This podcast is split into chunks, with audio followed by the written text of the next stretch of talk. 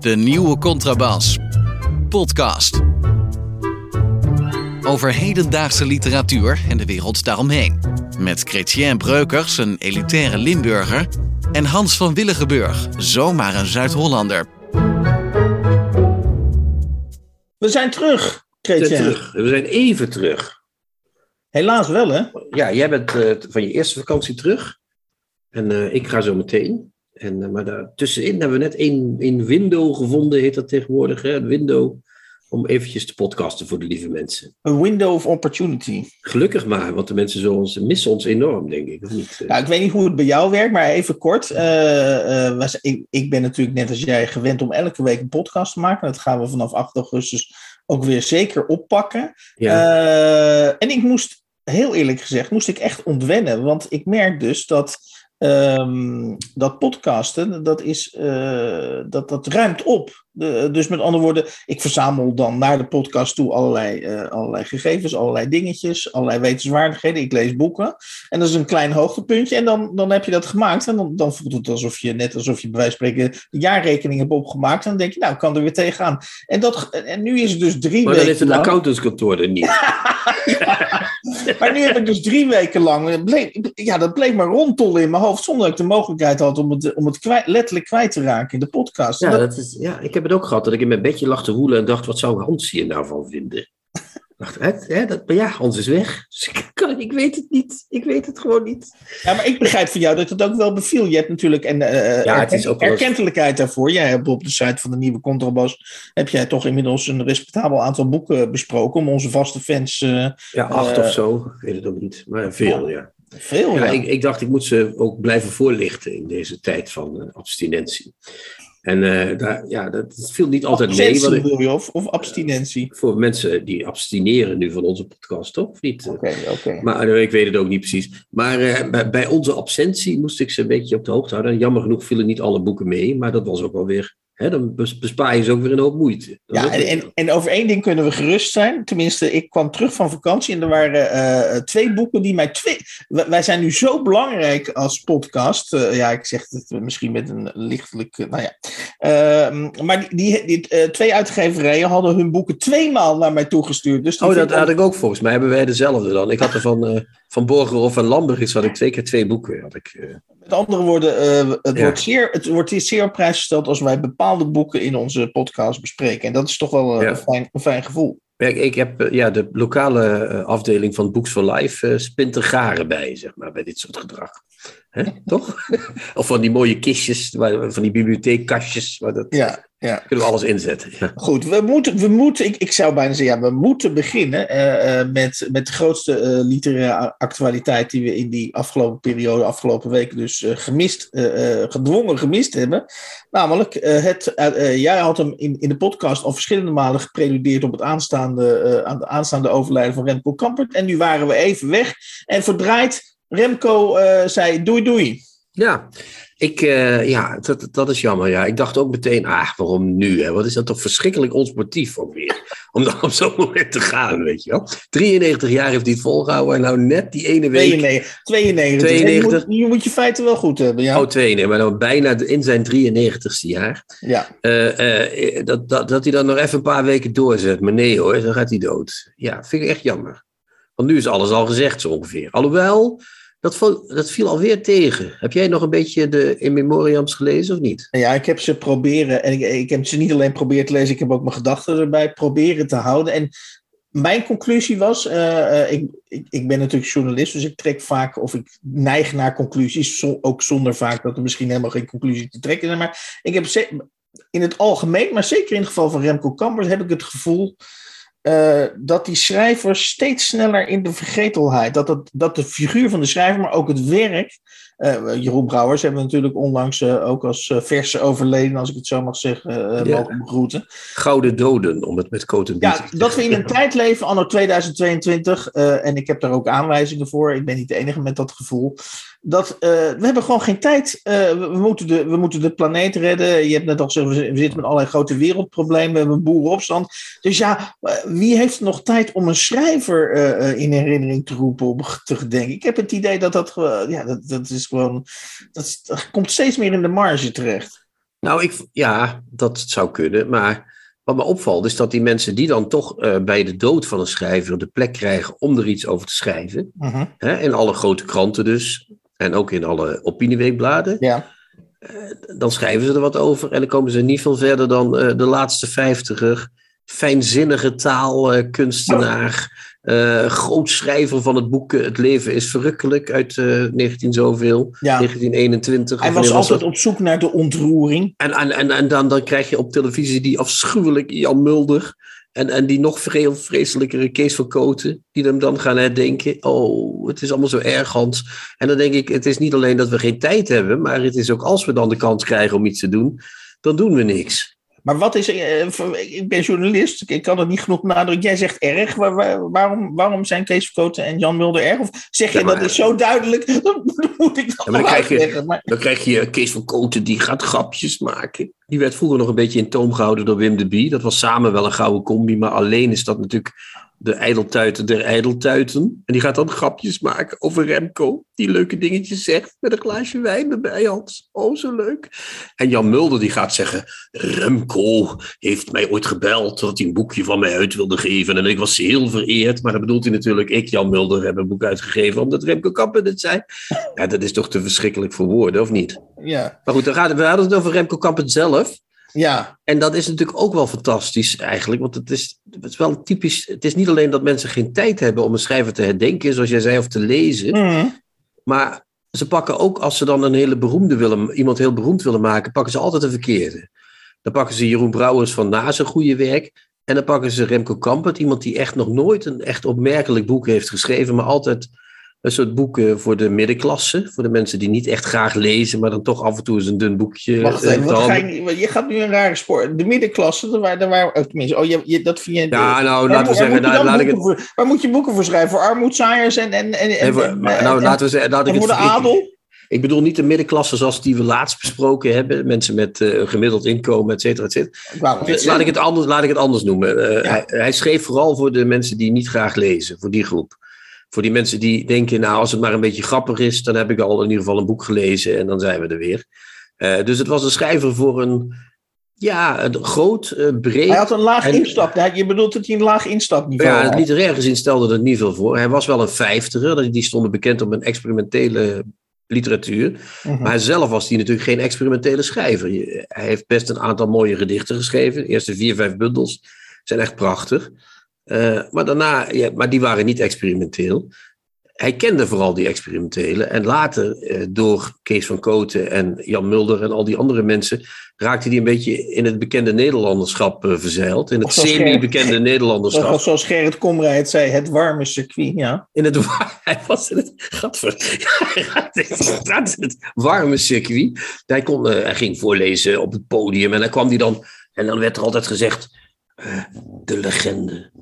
Als je maar oud genoeg, Hans, wordt, als wij oud genoeg worden, worden we legende. Ik, vind je wel, ik vind je erg negatief. Kijk, eh, Ja, eh, als, als, één ik, goed boek mag- van Kampert dan. Eén Als ik mag, ik, ik behoor me, eh, misschien nu niet, maar ooit wel. Toen ik op de middelbare school zat en ik kennis maakte met literatuur, was Remco Kampert natuurlijk, zeker in de jaren zeventig, niet, niet heel ver weg. want er stond prominent op de leeslijst.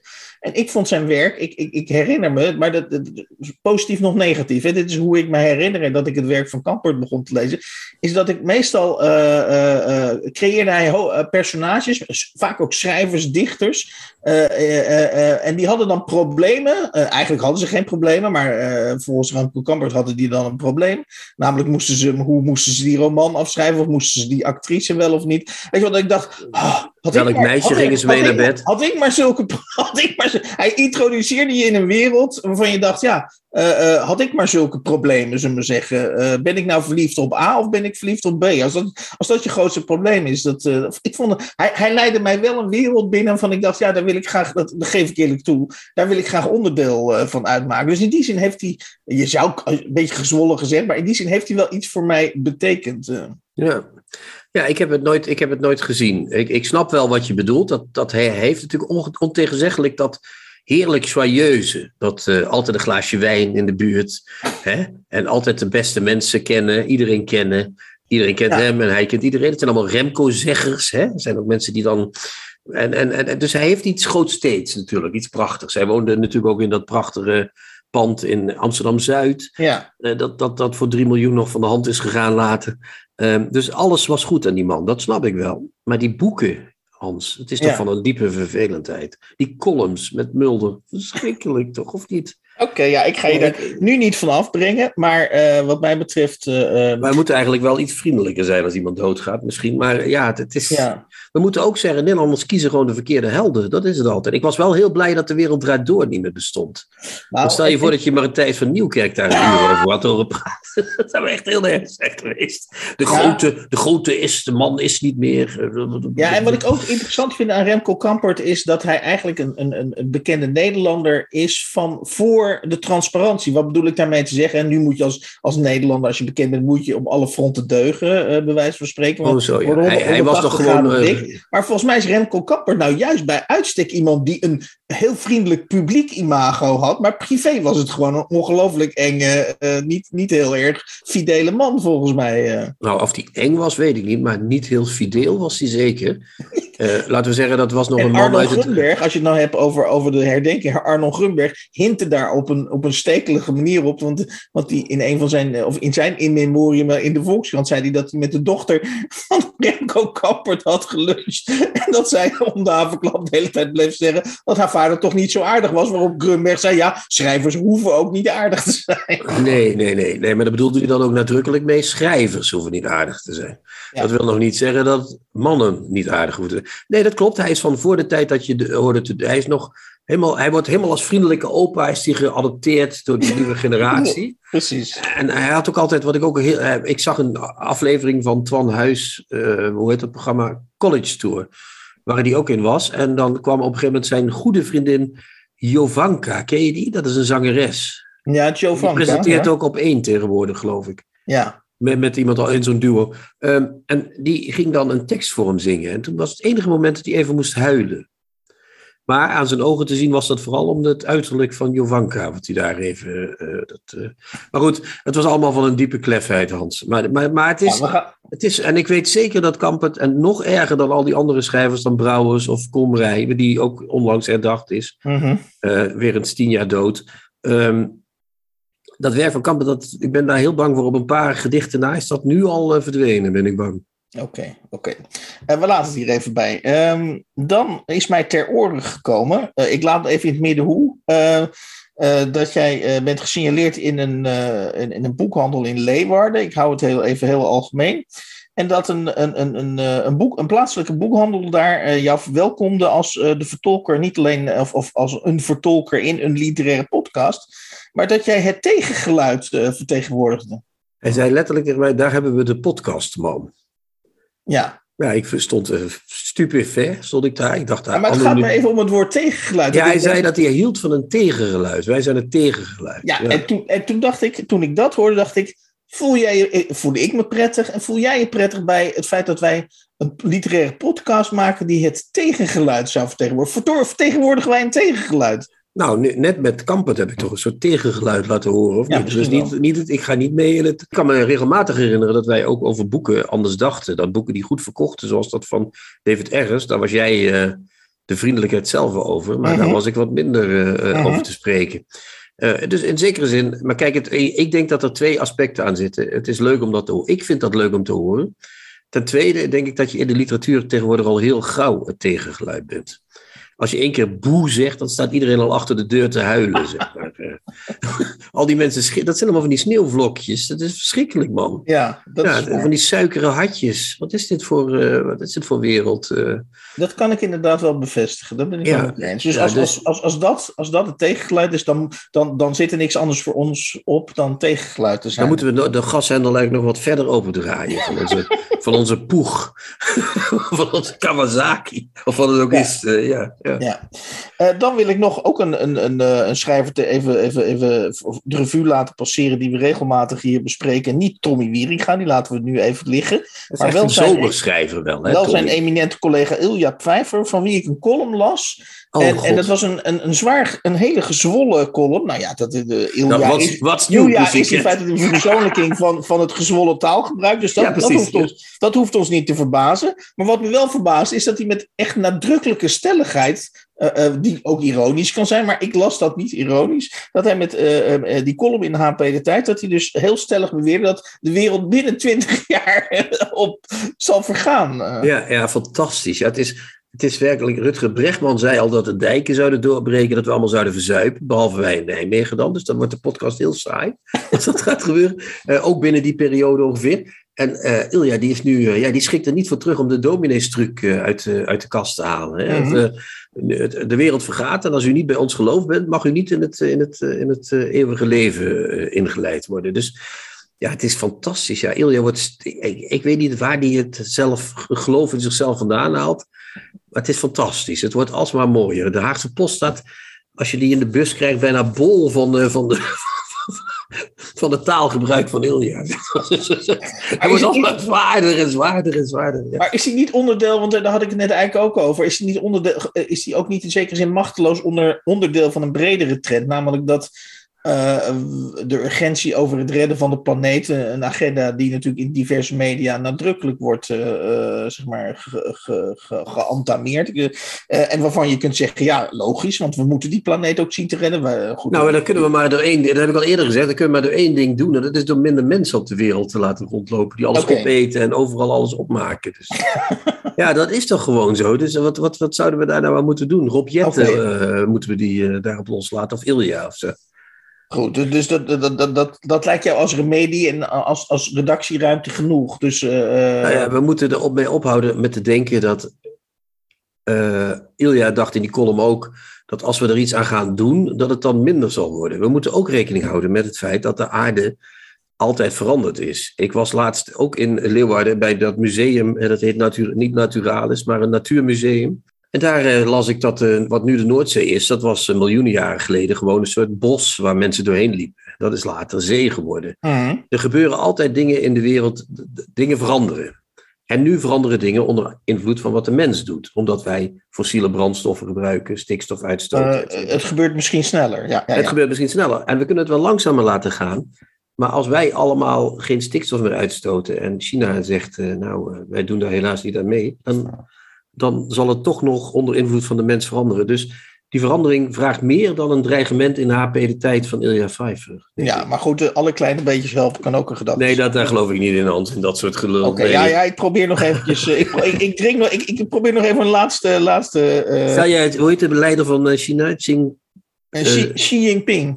En, en dan komt Ilja Pfeiffer staat tegenover En die zegt, met die beringde vingers van, luister eens, Xi, dat, het moet hier afgelopen zijn. Met die flauwekul. Nou, wat denk je dat die man dan zegt? Ja. ja. Nee, maar... Voordat je het weet zit hij in zo'n busje, krijgt hij nekschot. Wat dan?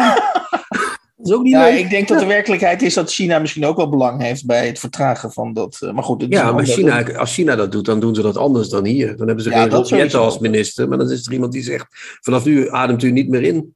Ja. En dan doen ze dat. Zo nee, kijk, en, en als, als China als Xi wil dat, dat, een, dat, een, dat er meer bos komt, dan, dan, dan zegt hij, nou, dan wijst hij een paar steden aan. Die en dat worden bossen. Die platgelegd worden en dan komen daar bossen. Dat is natuurlijk heel simpel. Okay. En als er nog één oud mannetje is dat niet onteigend wil worden, dan zit hij, woont hij binnen drie weken binnen in een bos. Woont hij dan, dat oude mannetje? Ja, ja. Terug naar literatuur. Uh, nou, ik vind dit wel een heel mooi beeld ineens. Uh, ja. Dat Allemaal steden. Welke steden in Nederland zou jij in het bos willen zien veranderen? Ik vind Meppel wel een goed voorbeeld. Leuk begin. Leuk begin. en Assen. en Emmen. Zo heel Drenthe, zeg maar. Ja. ja, dat vind ik wel een goed idee. Dat vind ik ja. wel, ook wel een mooi literair beeld ook wel. Inderdaad.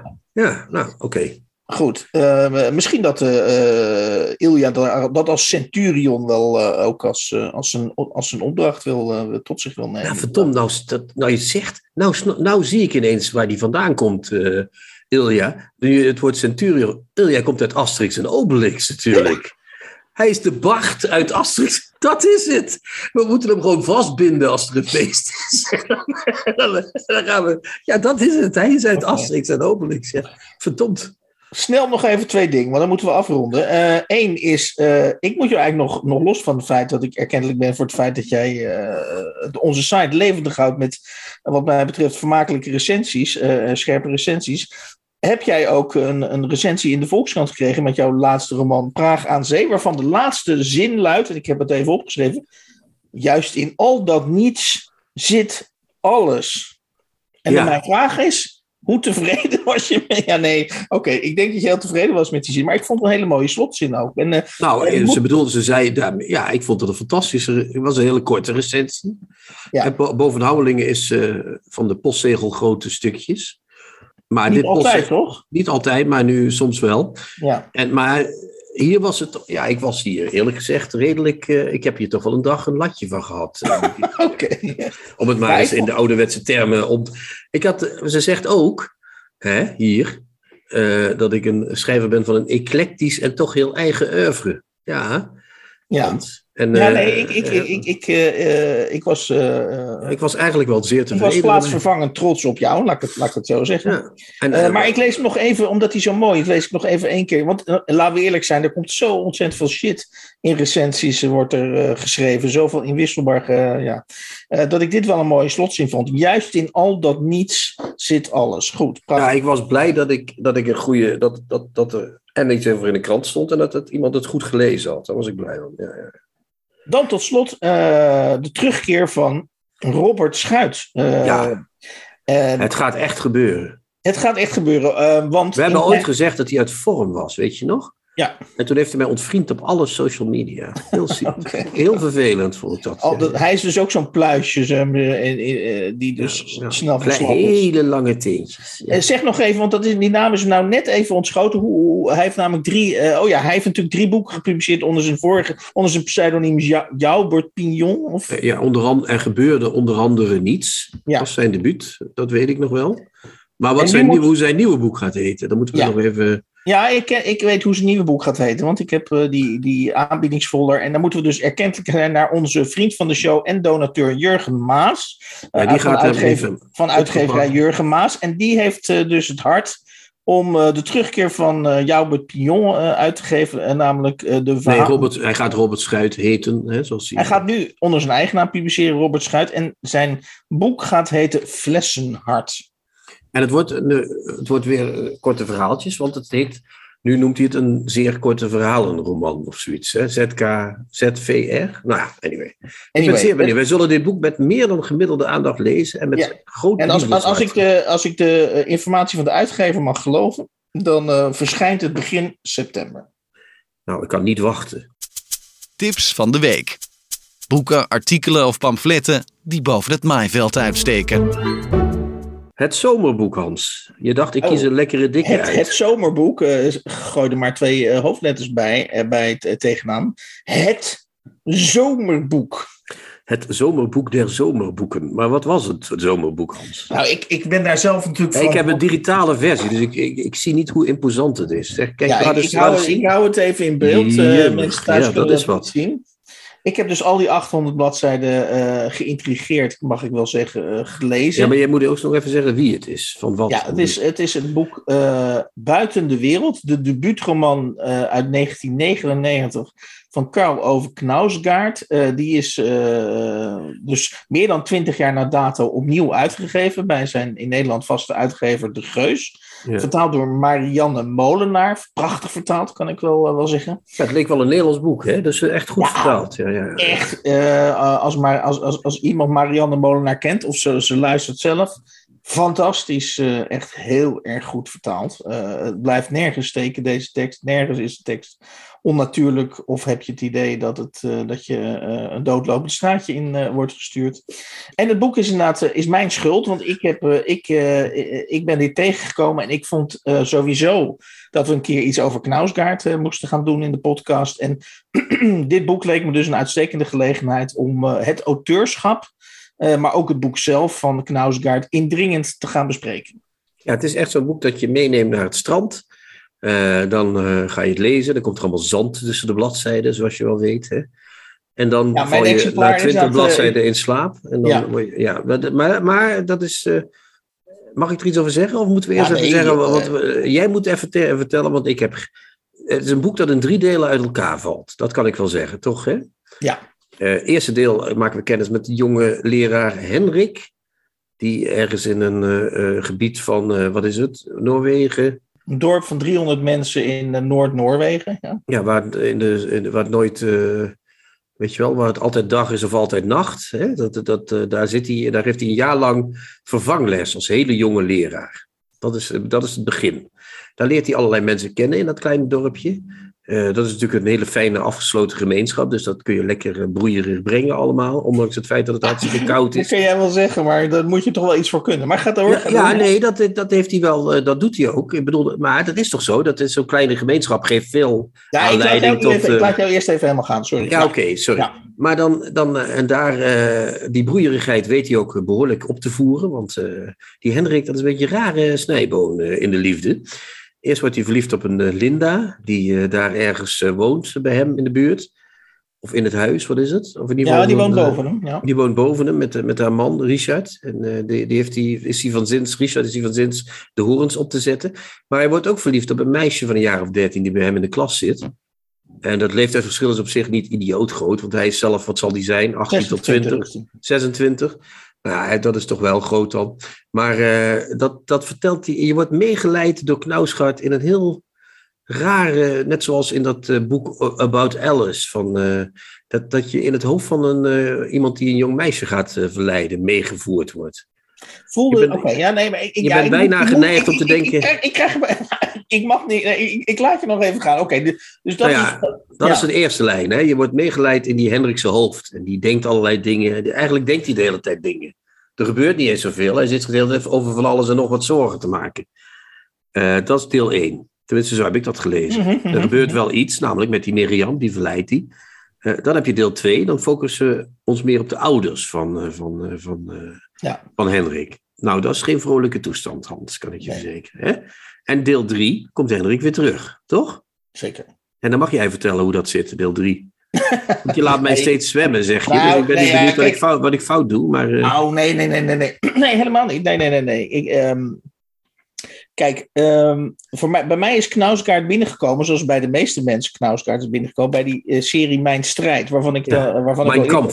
Ja. eerder- ja, waarvan ik eerder al gezegd heb, daar heb ik de eerste twee delen van gelezen. En toen, toen was ik wel eventjes, zo had ik wel even gegeten en gedronken. Eh, niet dat ik het dus niet ontzettend boeiend vind, maar juist omdat het, omdat het me juist wel heel erg pakte, eh, eh, kun je ook op een gegeven moment denken, jezus, nog vier van die boeken. Dat, Hij gaat dicht bovenop je zitten, hè? dat Ah, is het dat, wel. Dat, dat is een understatement van het jaar dat hij di- dicht op je gaat zitten. Dus kijk, wat ik fascinerend vind aan, aan, aan, aan Knausgaard is dat eigenlijk dat hij. Ik ken geen schrijver die het woordje ik eigenlijk zozeer uh, misbruiken, of ja, ik weet niet of het misbruiken moet noemen, maar waarbij je het woord ik niet letterlijk moet nemen. Nee, hij is zo. Ja, dat is... En, want want waar, waarom, waarom, waarom vind ik hem zo ontzettend goed? Waarom, waarom is, dit een, uh, is mijn strijd de wereld overgegaan? En waarom is dit boek volgens mij in Nederland ook alweer een, een seller?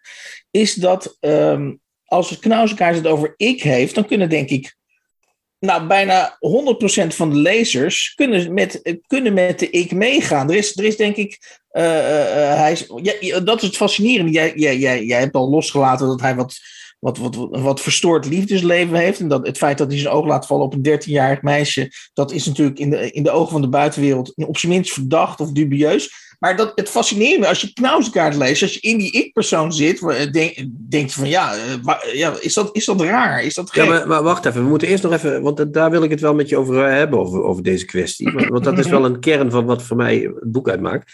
Maar dat derde deel moeten we ook nog even vertellen, wat daar, ja. uh, want hij, of, moeten we, of raad je dan het Ja, plot, in het derde deel is hij, is hij, uh, hoe heet het, uh, is hij terug naar waar hij vandaan kwam, in Christian Sand. Ja. Uh, en dan, uh, dan, uh, dan komt zijn geliefde van 13.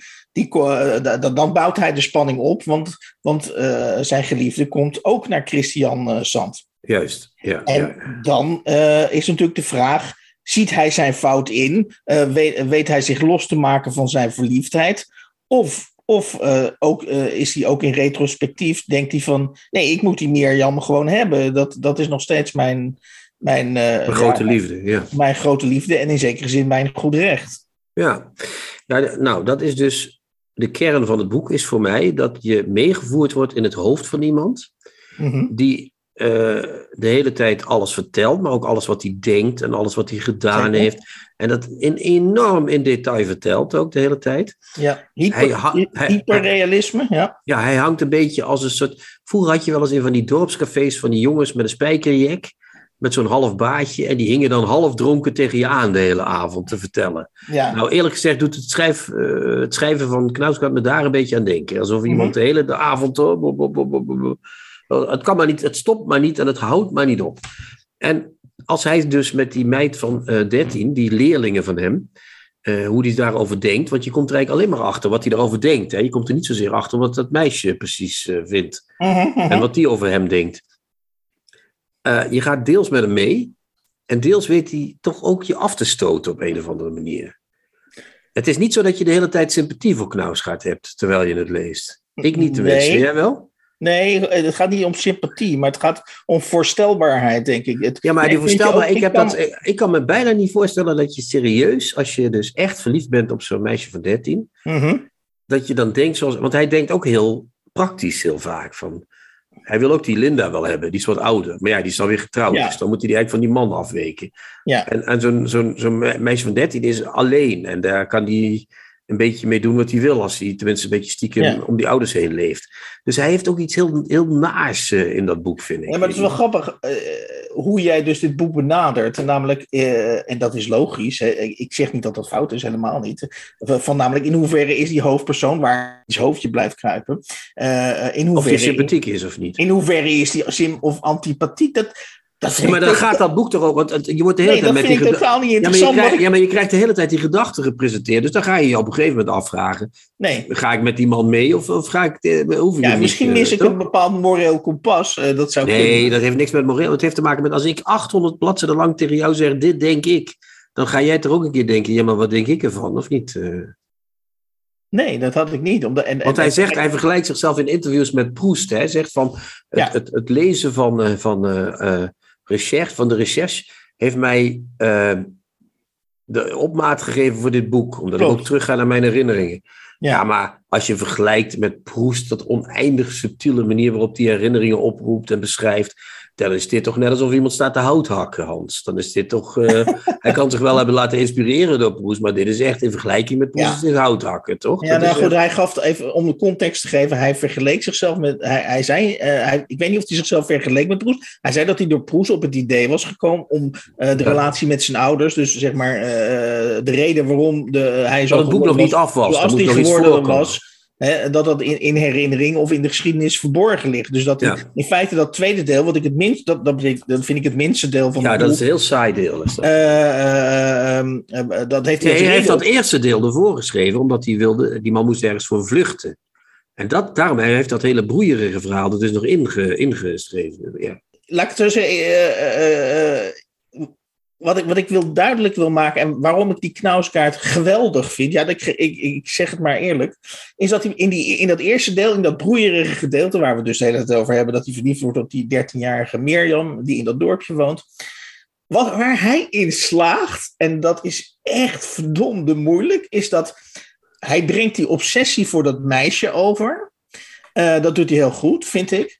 Mhm. En tegelijkertijd doet hij ook bo- hij doet allerlei gewone dagelijkse dingen. Maar waar hij in slaagt, en dat, dat heb ik bijna nog nooit bij een cijfer gezien, is ook als hij boodschappen doet, of bij wijze van spreken naar de tandarts gaat, staat dat in het teken, terwijl hij wel gewoon daar echt is, staat dat in het teken van Mirjam. Dus hij weet eigenlijk die hele, die hele, die hele eh, het leven. Het, het is namelijk precies zoals het echt is. Ook als je zelf verliefd bent of een hevige obsessie hebt, moet je ook gewoon naar de tandarts of moet je ook gewoon even boodschappen doen. En, en, en wa- waar hij dus in slaagt, is dat je, zelfs als hij boodschappen doet en er iets gebeurt wat niks met Mirjam te maken heeft, heeft hij je zo beet in dit boek. dat je toch aan die Mirjam blijft, blijft denken. En dat is iets, daarin stijgt hij dus, wat mij betreft, ver uit boven een heleboel andere schrijvers. Die personages gebruiken gewoon om van A naar B te gaan, of om een bepaald idee te illustreren. Of, of weet je wel, gewoon iets, iets functioneels te doen. Nee, hij weet inderdaad letterlijk die werkelijkheid gewoon ja, in je gezicht te blazen. En dat heeft me de hele tijd, ook bij die Mijn Strijdserie, enorm uh, ja, uh, om maar eens even een ger Germanisme te gebruiken. Ja, ja, ja, dat komt omdat je net in Germanië geweest bent natuurlijk. ja. Maar ik, heb, ik, heb, uh, ik snap het wel. Ik, ja. ik, snap, ik, ik, ben, ik ben een beetje mee, hoe, zoals dat heet. Hoe, heet, hoe noem je dat? Ik ben, maar ik ben helaas niet team Knausgaard geworden daardoor. Dat hoeft ook niet. Dat hoeft het, is, het, is, het gekke is dat ik... Dat is, dit is echt zo'n boek waarvan ik denk... Ja, dit is echt waanzinnig. Als je dit kunt, dan kun je wat. Alleen denk ik dan meteen erachteraan, ik hoef het niet per se te weten. Ja, Oké, ja, dat kan. En, eh, maar ik begrijp van mezelf dus niet, ook niet na de lezing van al die 800 bladzijden, waarom dat is. Want ik denk, juist, ik, ik schrijf zelf altijd uh, zelf vanuit één persoon die in een situatie van stilstand uh, mm-hmm. zit. Dus in wezen schrijf ik hele dunne knauwschatjes, zeg maar. Maar misschien is dat het verschil wel, dat mij dat enorme uitgedijde niet uh, bevalt of zo. Dat dat mij... Ja. Ja, hij, hij ik, beschrijft ik ook, ik, ik, ik, ik draaide een sigaret ik likte het vloedje. Ik, ik draaide het vloedje dicht. Ik deed de kleine pluisjes van de voorkant en de ja, achterkant ja, ja, ja, ja, Ik deed die sigaret in mijn mond. Ik haalde mijn. Ik had geen lucifers. Ik liep naar de kast om nieuwe lucifers te pakken. Ik deed een nieuw pakje lucifers open. Ik streek een lucifer. Dat heb ik net uitgelegd, Kitje. Hij heeft dus het vermogen om al die banaliteiten... Ja, maar op een gegeven moment denk ik dat... Man, steek die sigaret op, alsjeblieft. Schiet eens op met die sigaret. Nee, het is, nee, het is online. Oh, het, ja, ja oké. Nee, ik snap wat je bedoelt, maar ik ga gewoon nog even door, uh, als jij mij toelaat, in, in mijn, in mijn lof te uitzingen. Ja. Uh, want wat ik ook heel goed vind werken, al die 800 pagina's lang, is dat hij schuingedrukte woordjes uh, gebruikt. Ja, schuingedrukte want die zinnen. moeten dan nog nadrukkelijker worden. Ja, nee, maar, maar hè, dus met andere woorden, als hij verliefd is en, en vergaat van de spanning of hij die vrouw of dat meisje kan krijgen. Want ik kan verklappen, hij Mirjam is niet de enige vrouw met wie die een uh, al of niet getroubleerde uh, knipperlichtrelatie heeft. Er zijn meerdere vrouwen die, waarmee ja. hij dat heeft. En onze Hendrik is een kleine dus die schuin, Dan gebruikt hij dus die schuin gedrukte woordjes om zijn eigen angsten of de alternatieven die, die zouden kunnen gaan gebeuren uh, te beschrijven. En dat gaat gewoon door merg en been, omdat je denkt, ja inderdaad, dat was ook mijn angst toen ik voor het eerst een meisje... En dat is dus het magische van Knausgaard. Iedereen heeft voor het eerst een keer een meisje aangesproken op een schoolfeest. En, en de manier waarop hij dat beschrijft, die angst die, die, uh, uh, die daarmee gepaard gaat. Ja, dat, sorry, dat gaat gewoon door merg en been. Dat is gewoon zo knalknijter goed gewoon. En, ja. uh, en dan heeft hij ook nog, om maar even aan te geven hoe gedetailleerd hij daarin is. Hij heeft als, als kind, of als, nee, dat zeg ik verkeerd, als puber. Als puber heeft hij drie jaar lang een, heeft hij drie jaar lang een dagboek bijgehouden. En uh, van 180 hij schriften of zo. Hij verdeelt zichzelf in Hendrik 16, Hendrik 17 en Hendrik 18. Met andere woorden, uh, uh, er is een dagboek dat hij 16 was, er is een dagboek toen, toen hij 17 was en een dagboek dat toen hij 18 was. En daarmee geeft hij eigenlijk op een hele subtiele manier ook aan dat je dus de 16-jarige Hendrik een heel iemand anders iemand anders is dan de Hendrik die 17 of de Hendrik die 18 was. Met andere woorden, je identiteit is ook vloeiend. En is ja, maar nee, die lopen ook steeds door elkaar heen. Want hij voelt zich als die leraar is ook heel vaak weer 16, omdat hij met die Mirjam, uh, exact, exact. Uh, op die daar verliefd op is. Ehm, ja, ja ik, snap, ik snap alles wat je zegt. En ik vind het ook, ik ben het helemaal met je eens. Ik vind het heel vreemd hoe ik daar niet. Ik, ben, ik blijf daarmee bezig. Ik heb tot vandaag proberen te beschrijven waarom ik het niet Mm Is iets net, ja, die man die zit in je oor te kraken steeds. Dan denk ik, jezus man, ga eens even ergens anders zitten. Ja?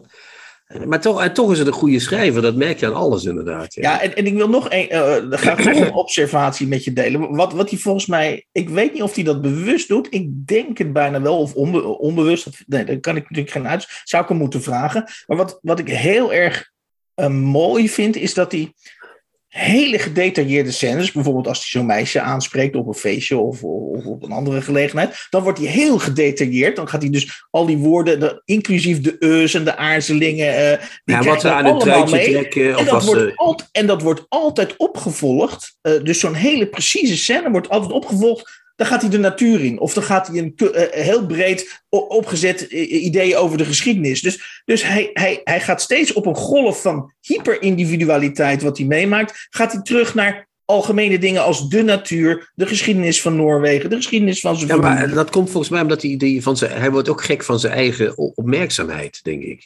Zeker. Uh, hij, hij, hij, hij, weet, hij beschrijft dus inderdaad wat je zegt, alles van zo'n bepaalde bijeenkomst.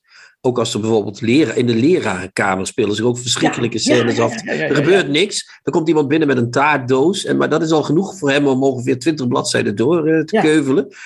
En dan moet hij ineens uh, inderdaad gaan roken op de wc of zich aftrekken. Want anders dan haalt hij het gewoon niet, die volgende scène. Dan heeft hij, net alsof zijn op, opmerkingsvermogen is gewoon klaar dan. dan. Dan is het vol, weet je wel. Dan, ja. De arme knausgaard die barst uit elkaar en die moet dan iets gaan doen. Zeker, ik denk dat dat heel... een zeer hevige gemoedsbeweging. Ja, die daar, en ik vind, ja, ja, ja dat, en, en er is zelfs, uh, uh, zelfs op pagina 718 heb ik, dat, heb ik, heb ik erbij vermeld dan, dan heeft hij het over een klas waar hij vroeger in heeft gezeten. En, uh, met met oh, ja. heel veel meisjes. Heeft hij, uh, hij, hij, hij, telt er dan 22.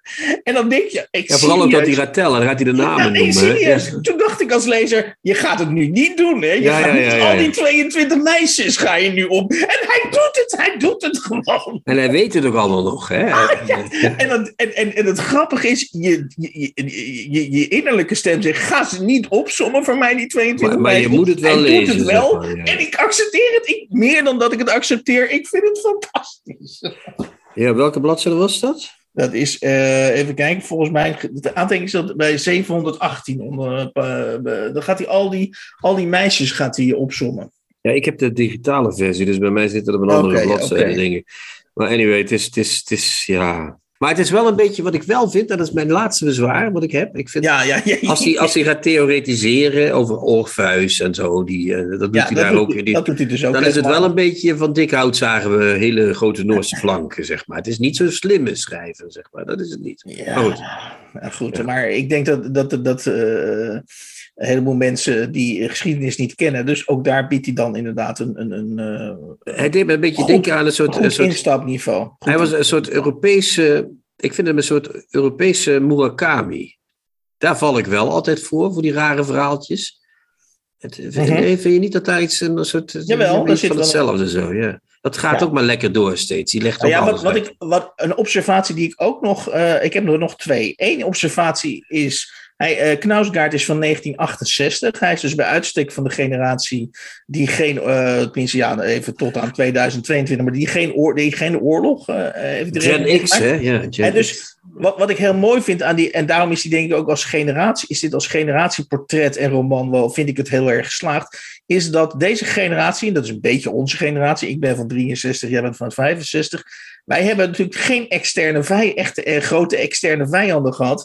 En, en Knausgaard is dan ook bij uitstek de schrijver ja, die zichzelf tot grootste vijand van zichzelf eh, eh, eh, beschrijft. En ja, ik denk dat dat wel, ik denk ook dat ook dat aspect wel herkenning in ieder geval, ja, dat is een beetje een kutwoord, geef ik toe. Hij is typisch zo'n zo'n Scandinavië. Noorwegen is niet Scandinavië, hoor je dan te zeggen. Maar goed, hij is typisch zo'n Noord-Europese schrijver. Dat zijn allemaal een beetje van die sombere types, zijn het. Hè? Ja, een, beetje- vrolijk, een, vrolijke, een vrolijke Frans is het zeker niet. Nee, nee, nee, nee, nee.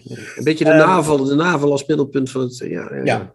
En dan misschien nog tot slot heb eh, ik heb ook, eh, omdat ik echt gepakt opnieuw was, dus na die eerste twee delen mijn strijd opnieuw gepakt was door, eh, door Knausgaard, eh, ben ik ook wat, wat secundaire literatuur en interviews gaan lezen. En toen kwam ik op een gegeven moment op dit citaat van Knausgaard. En dat verklaart misschien ook waarom hij dus schrijft zoals hij schrijft. En dan eh, citeer ik hem even. Het fundamentele gevoel dat ik heb, is dat de wereld bezig is te verdwijnen dat ons leven gevuld wordt met beelden, van, met beelden van de wereld. En dat die beelden zich tussen ons en de wereld dringen, zodat die steeds luchtiger wordt en steeds minder verplichtend. Ja, ik vind dat. Kijk, het, ja, nee, dat is precies de reden waarom ik hem niet mag. Dit soort passages denk ik, ja, gooi dat maar in Nee, een dit heel grote. even van, dit, dit is niet Dat uit is uit het een interview. Dat is uit een interview. Ja, maar dan denk ik, als je dit kunt zeggen, dan gooi dat maar in een pannetje en eh, maak daar maar zelf eh, soep van. Want eh, dit begrijp ik gewoon niet. Dit is, dit is echt oude mannengelul. Dat vind ik, dan heb je te veel gedronken als je dit zegt. eh, vind ik. Ja. ja, sorry. Ja. Oké. ja, de wereld gaat namelijk altijd door, Hans. De kudde trekt verder, dat weet je toch? Het is, het is Ja, allemaal, het. Zijn wereld gaat voorbij, maar ja, dat is zoals het gaat. Ja, maar hij begint die citaat. Ik her- herhaal het maar even, want volgens mij lees je dat dan. Nee, ik zeg niet dat je niet kan lezen, maar het fundamentele gevoel hè, dus, dat ik heb. ja. Hij zegt niet- hij Ja, zegt maar het- niet. Ja, maar als Hij je fundamenteel... Hij denkt altijd over alles na. Dan zegt hij, ik heb een fundamenteel gevoel. Dan, als hij daar diep over nadenkt, weet hij wat daarna komt onzin is. Dan weet hij dat gewoon.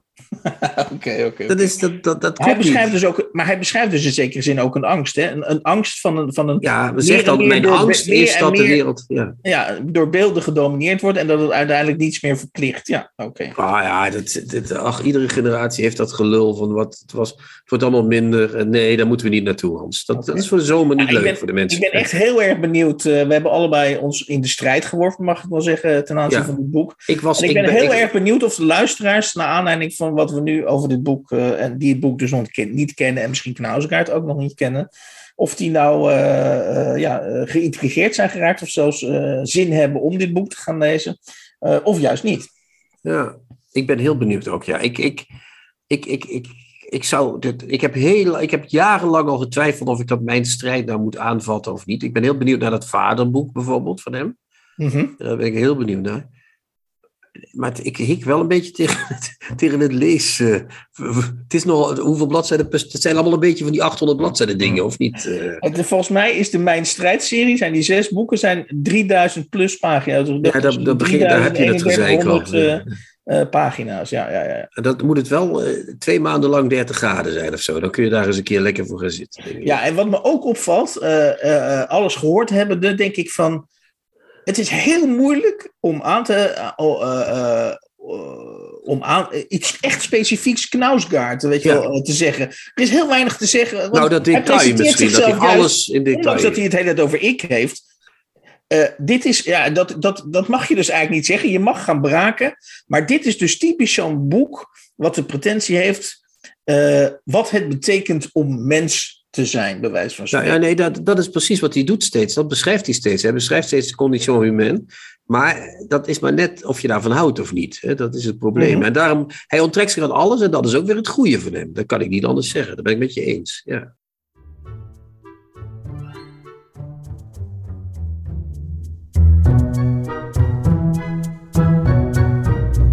De nieuwe Contrabas. Podcast. In de 68e aflevering eh, van de nieuwe Contrabas podcast eh, hebben we ons tot eh, één reusachtig boek, eh, mag ik wel zeggen, in omvang zeker, beperkt. Namelijk het boek Buiten de Wereld van Karl Ove Knausgaard. eh, eind vorige eeuw geschreven door Karl Ove Knausgaard en in Noorwegen destijds verschenen als zijn officiële debuut. Waarvoor hij ook een aantal prijzen heeft gekregen. Nou zegt Chrétien altijd prijzennieuws is geen nieuws, dus ik zal daar verder niet al te veel over uitweiden. Maar allicht is het voor sommige luisteraars een bevestiging van het feit dat dit een bijzonder boek is dat onmiddellijk eh, gesignaleerd werd eh, op eh, verschillende manieren. Het boek is verschenen bij uitgeverij De Geust en is, en dat hebben we ook al eerder vermeld, op een geweldige manier vertaald door Marianne Molenaar. Hans, na het overlijden van eh Kamp, het vraag me af of er nu. Zijn er nog knuffelschrijvers over? Vraag ik me af. Het lijkt wel alsof we er doorheen zijn nu. Brouwers, Kampert. Dat bedoel ik echt serieus, ook eh, gerelateerd aan, eh, Ja. aan de vraag of niet de tijd, het tijdperk van de grote schrijver, groot door iedereen als groot gezien, voorbij Ja. is. Denk Ja. je niet? Nou, ik, ik, ik, de enige schrijver waarvan ik me nog kan voorstellen dat hij op, met, met een, met een eh, op, nationale schaal, op nationale schaal, laat ik het even zo zeggen, op nationale schaal betreurd gaat worden, eh, met- in memoriams en delen, eh, wat, er, wat er allemaal bij hoort, denk ik dat dat Cees Notenboom eh Ach ja. zijn. Ja. Dus eh, eh, zeg maar, van die generatie nemen we pas afscheid als Cees Notenboom eh, zeg maar zijn laatste adem zou uitblazen. En wat daarna gebeurt, ja, dan, dan, als, je, als je het puur rekenkundig terugrekent, dan, dan kom je natuurlijk aan de generatie Van der Heijden, Geert en Meijsing, eh, Ja. waarvan Van, van der de Heijden. Jong, En dat bedoel, ik, dat bedoel ik niet oneerbiedig, maar waar- waarvan Van der Heijden in ieder geval ogenschijnlijk een poging doet om, om dat einde te bespoedigen.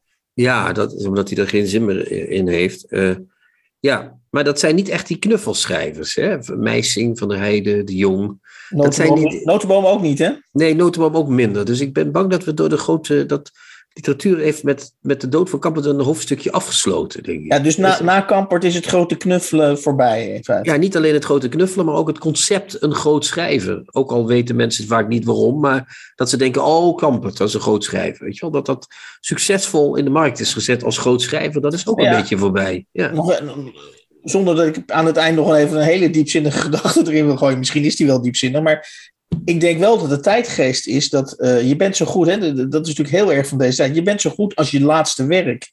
Eh, Ja. En, en eh, al, dat ge- al dat terugkijken naar boeken uit, 19, uit de jaren 50, 60, de 50 de 60 ja, dat, als, als nu een, een, een belangrijke schrijver, hoeft geen Nederlandse schrijver te zijn, maar ook of een internationale schrijver, dan zal die toch, denk ik, sneller door, zeg maar, in herinnering worden geroepen door de specifieke boeken die hij of zij heeft afgescheiden, dan dat zij, hij zij als mythische figuur, eh, als, als, als, en wat jij bedoelt volgens mij met een groot schrijver, dat we, dat we met een mythologisch figuur te maken hebben, waar die we heel erg moeten betreuren. Nee, ik denk dat dat een beetje op zijn einde, lo- einde Ja. loopt. Toch, toch een mooie zomerconclusie. Dus we zitten in een andere fase ineens, Hans. Ja. Op naar de herfst. overgangstijd. Alle tijd is overgangstijd, Hans. Elke tijd is een overgangstijd. Fijne zomer verder. Ja. We zijn weer terug in de tweede week van augustus. En dan zijn we natuurlijk helemaal. Dan zijn we full swing terug, lieve luisteraars. Ja, toch? Dus Niet? tot de tweede week van augustus. Chin chin, ciao, ciao, tjoe tjoe. En cha-cha-cha.